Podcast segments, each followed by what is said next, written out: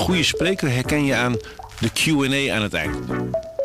Onze lifehack-expert Martijn Aslander geeft je adviezen waar je echt wat aan hebt. Beluister en bekijk Martijn of een van onze andere experts op businesswise.nl. Businesswise, het nieuwe platform voor iedereen met ambitie.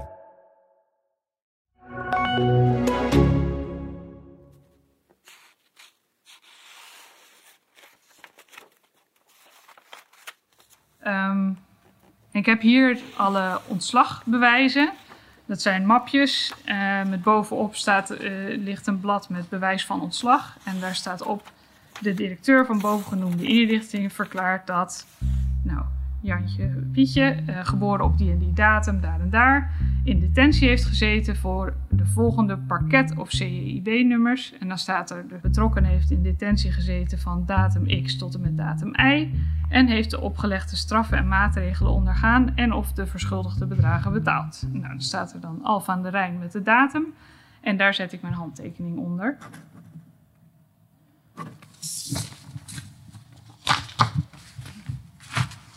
En zo teken ik er dan een heleboel. En gaan ze dan morgen de deur uit of vandaag nog? Um, dus ik teken nu voor de, de ontslagen voor morgen. En die gaan dus morgenochtend vroeg ook al de deur uit.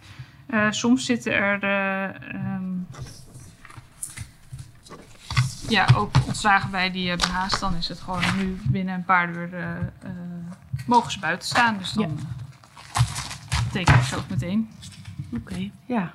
Zij lopen morgen de poort uit. Dus. Zij lopen morgen de poort uit, ja.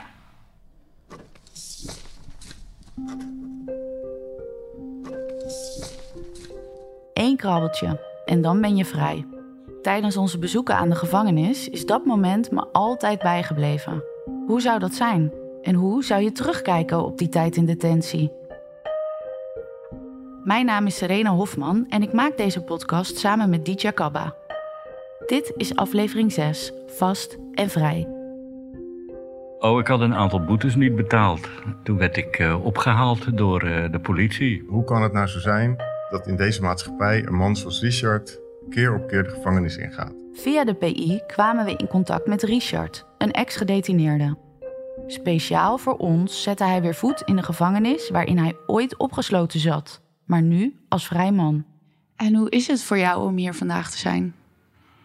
Uh, ja, aan de ene kant bijzonder, aan de andere kant ook niet echt. Omdat, uh, kijk, ik ben hier eerder geweest. Ik heb hier een tijd, uh, laat ik zeggen, logies genoten. En ik hoop hier natuurlijk nooit meer terug te komen. Dat, dat is logisch.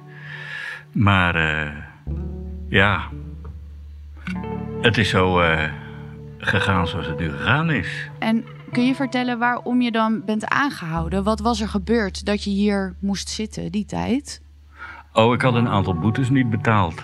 En toen werd ik uh, opgehaald door uh, de politie. En toen heb ik eerst uh, een etmaal op het politiebureau gezeten. En dan word je door dat speciale justitievervoer... word je dan vanaf het politiebureau hier naartoe gebracht. En hoe was dat voor jou? Uh, nou, het vervelendste vond ik van dat vervoer, dat is dat. Uh, ze hebben dan een soort radio in die auto. Van, dan denken ze van, nou, we kunnen die mensen wel een beetje vermaken. Maar die werkt van geen kant. Het is ook verschrikkelijke herrie die je dan hoort. Dat vind ik het wel het vervelendste. En het is vrij benauwend. Het is gewoon een heel klein hokje waar je dan eigenlijk in zit. Maar gelukkig duurt die reis niet zo heel erg lang. En dan word je hier afgeleverd in uh, de uh, Alfa aan de Rijn. En dan begint eigenlijk, zullen we zeggen, de hele incheck. Dan ga je een dag naar, uh, geloof ik, uh, een cel. Totdat er ruimte is op een of andere afdeling. En dan verhuis je daar naartoe waarvan dan verwacht wordt dat je daar enige tijd gaat verblijven. En was dat de eerste keer voor jou dat je. Uh, ik ben hier een keer of vijf geweest. Een week, twee weken, een keer zes weken en een keer tien weken. Dus een keer of vier. Ja, hoe ik het ervaren heb. Uh, kijk, er is toch altijd iets in je achterhoofd van. Uh, kijk, de Nederlandse gevangenissen zijn er niet op uit om uh, mensen slechter te maken. Natuurlijk, je bent van je vrijheid beroofd. En nou is het zo dat een gevangenis is in mijn idee toch een instituut. Daar kom je niet altijd beter uit dan dat je erin komt. Maar uh, ik ben wel van mening dat een Nederlandse gevangenis is niet het allerslechtste wat je kan overkomen. En je kunt er ook iets van maken om uh, hier je tijd tenminste zo goed mogelijk door te komen. Dus, dus een beetje de weg van de minste weerstand op dat moment. Uh. Ja, maar waarom zou je weerstand bieden tegen iets van... kijk u eens naar buiten, er zitten tralies voor, wat moet je dan doen? Ik bedoel, het beste van de gegeven omstandigheden... dat is het beste wat je er eigenlijk van kunt maken. Ja, dat is een bepaald soort ja, inschikkelijkheid. Uh, ja, die niet iedereen heeft natuurlijk. Um, ik weet natuurlijk niet precies uh, wat er is gebeurd, waarom je uiteindelijk die boetes niet kon betalen en hier terecht bent gekomen. Maar zou je misschien kunnen vertellen of er sindsdien wel praktisch gezien zeg maar iets is veranderd in je leven? Of het op praktisch gebied beter gaat nu dan dat het in die periode dat je die boetes niet kon betalen uh, ging? De periode waarin ik uh, die boetes niet kon betalen had ook uh, te maken met dat ik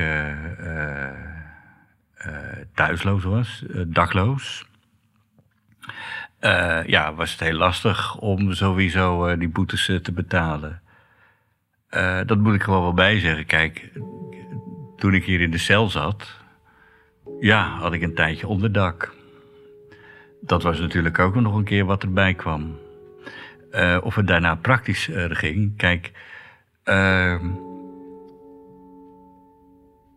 niets uh, te nagesproken ten aanzien van de Nederlandse verzorgingsstaat. Maar die is wel heel sterk ingericht op problemen. Vaak zware problemen. Nou, die had ik niet. ik had geen dak. Ik leefde op straat. Maar ik had geen drankprobleem. Ik heb geen gokprobleem. ik heb nog nooit drugs gezien. of wat dan ook. En daar is op een of andere manier voor iemand die, nou, laat ik zeggen, wat pech heeft, eh, de verzorgingsstaat niet meer echt op ingericht om die tegemoet te komen. Het voordeel was, toen ik hier uit uh, uh, de gevangenis kwam, de laatste keer, uh, dat Jaap van de PI hier met me meeging naar de sociale dienst, naar de gemeente waar ik nu woon. En dan ineens blijkt dat het ineens heel anders werkt dan wanneer je zelf als individu om een steun in de rug vraagt. Dan komt er iemand met een hulpverlener. En dan blijkt ineens dat dingen heel anders kunnen gaan. In het geval van Richard uh, is natuurlijk wel iemand die opvalt omdat je denkt van hoe kan, hè, hoe kan het nou zo zijn uh, dat in deze maatschappij een man zoals Richard keer op keer de gevangenis ingaat. En natuurlijk heeft hij daar zelf een verantwoordelijkheid in.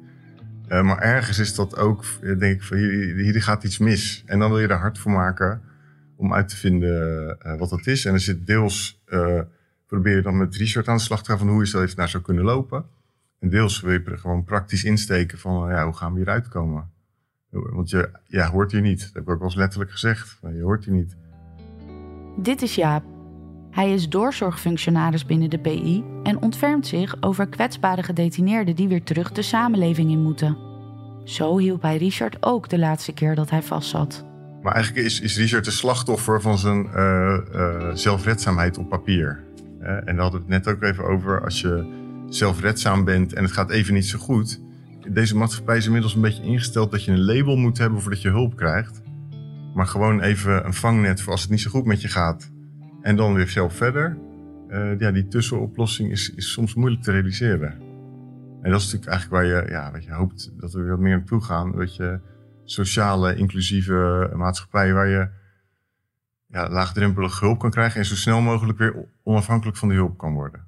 Maar wat zijn dan de hobbels waar mensen tegenaan lopen die hier dan verblijven op dit moment? Nou ja, je hebt, je hebt hobbels op verschillende niveaus. Je hebt, hè, je hebt eh, de, de, korte termijn is uh, hoe kom je detentie zo goed mogelijk door. Middellange termijn is wat ga je direct na detentie doen.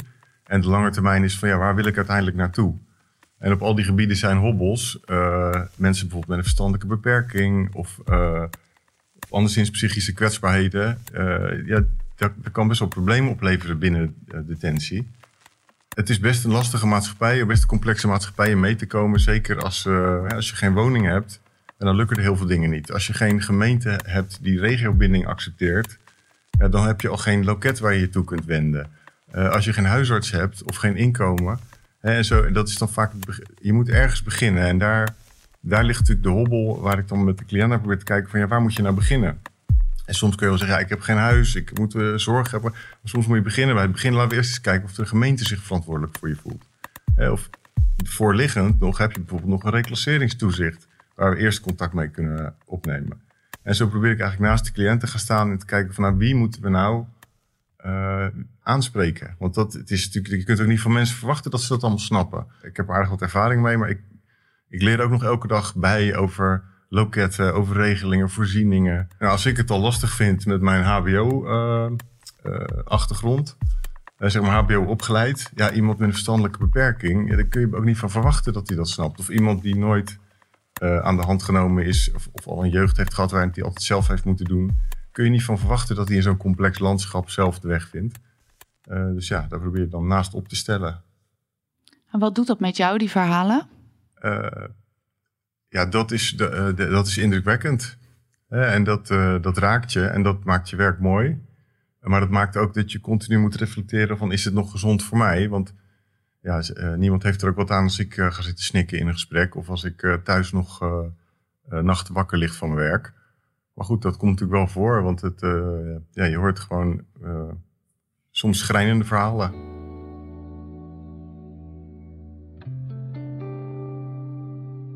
En ik hoorde je net zeggen, Jaap ging met mij mee ja. naar de gemeente. En toen lukte het wel.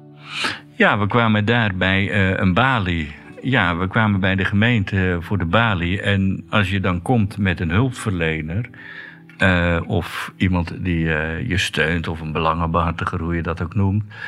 Uh, ja, dan blijkt ineens dat bepaalde dingen wel kunnen. Nou had ik daar al eens eerder om gevraagd. Bij iemand van de gemeente, want ja, ik kreeg een hele kleine dakloze uitkering.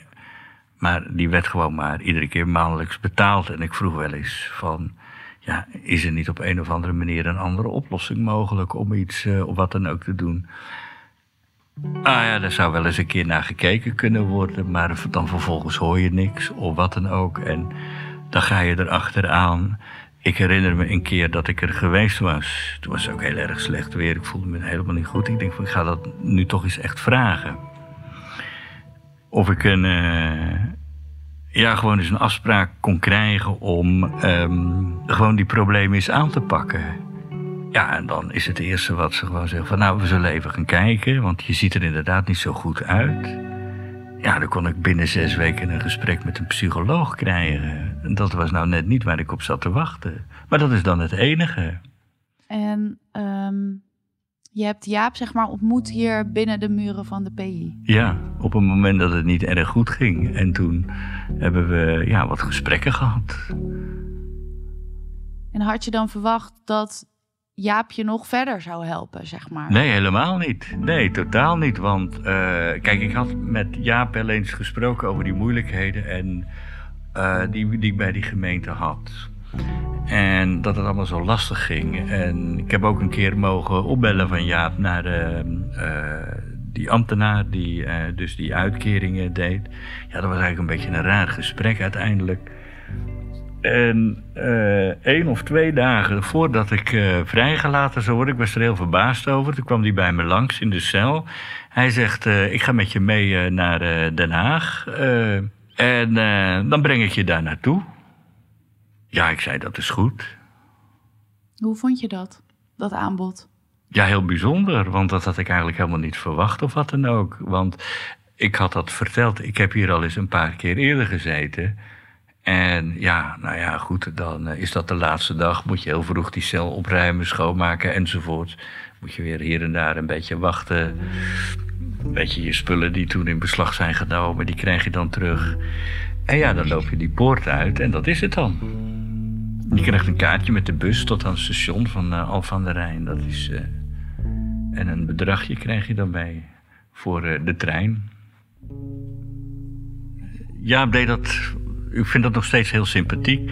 Uit eigen beweging, want ik geloof niet dat het bij de gevangenis hoort. ja, zodra je die poort uit bent, ja, dan valt hij dicht, klaar. En ja, dan zijn er andere instanties.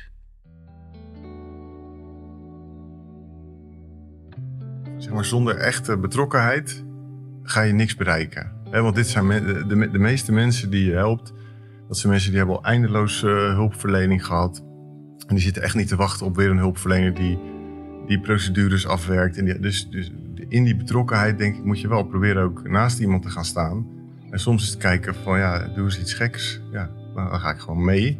En dat is voor mij een leermoment van hoe gaat dat nou bij zo'n dakloos loket. Hè? Wat, uh, want je hoort die verhaal. En, en aan de andere kant, uh, ja, misschien levert het wat op. En in dit geval levert het wat op.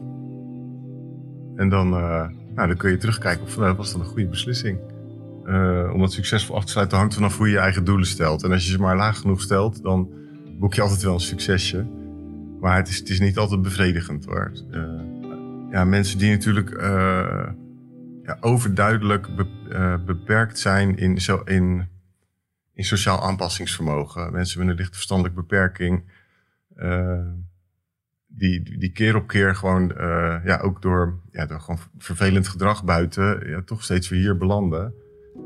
Uh, maar waar je ook wel ergens kan invoelen van ja, je redt het gewoon niet. Hè? En, en op een gegeven moment hier zijn ze stabiel, abstinent van drugs. er is veel structuur. nou ja, ze hebben op een gegeven moment een prettig contact. En sommige mensen zeggen gewoon letterlijk van nou ja, laat me hier maar blijven. Ja, dat, dat denk en, en wat gebeurt er? Je hebt eigenlijk gewoon weinig opvang, want ze hebben vaak veel opvangmogelijkheden al verziekt door, door incidenten. Door, dus ze, kunnen, ja, ze gaan eigenlijk gewoon weer de nachtopvang in zonder betrokken begeleiding, wat ze nodig zouden hebben. Ja, dat zijn wel van die momenten die ik ja, dat, uh, dat voelt niet altijd even succesvol, want dan probeer je hier iemand wel zoveel mogelijk te doen. Maar als het uiteindelijk toe leidt dat het patroon zich weer voortzet buiten, ja, dat is, dat is soms wel lastig. Ja, kan me voorstellen. En als je zeg maar kijkt hoe het nu met je gaat, wat heeft dat dan dat moment voor jou betekend? Wat heeft het voor je veranderd?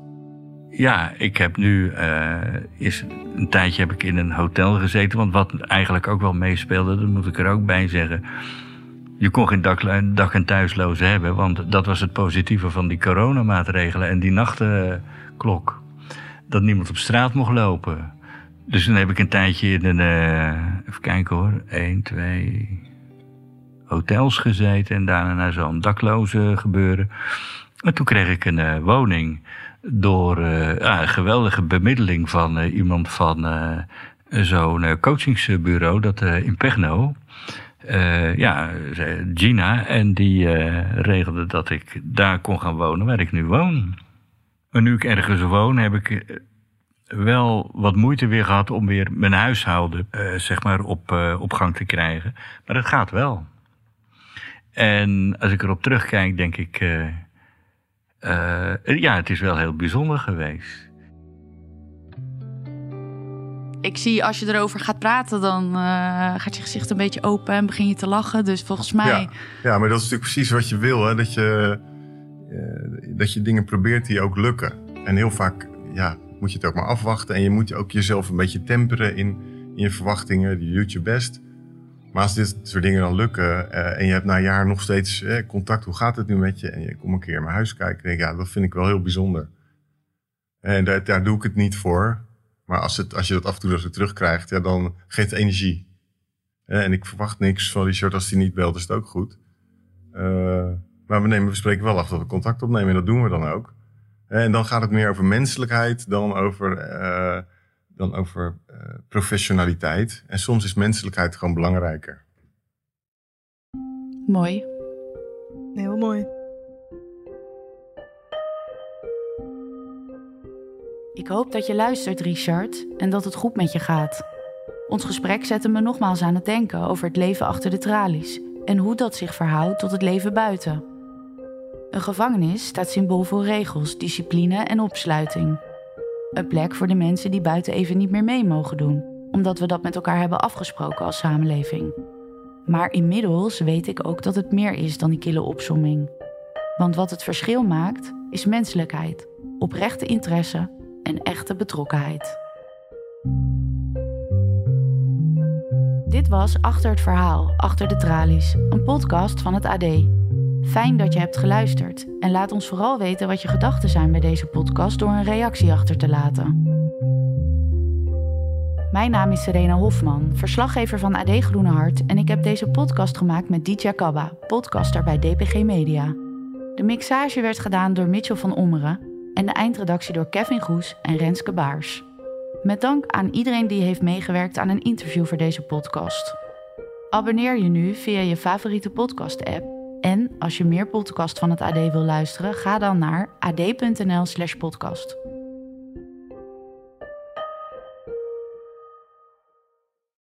We worden dagelijks overladen met overbodige informatie. En het is moeilijk de zin van de onzin te scheiden. Daarom vertrouw ik op echte journalisten in plaats van meningen. Een krantenmens heeft het gemakkelijk. Word ook een krantenmens en lees je favoriete krant nu tot al zes weken gratis. Ga snel naar krant.nl. Bezorging stopt automatisch en op deze actie zijn actievoorwaarden van toepassing. Een goede spreker herken je aan de Q&A aan het eind. Onze lifehack-expert Martijn Aslander geeft je adviezen waar je echt wat aan hebt. Beluister en bekijk Martijn of een van onze andere experts op businesswise.nl.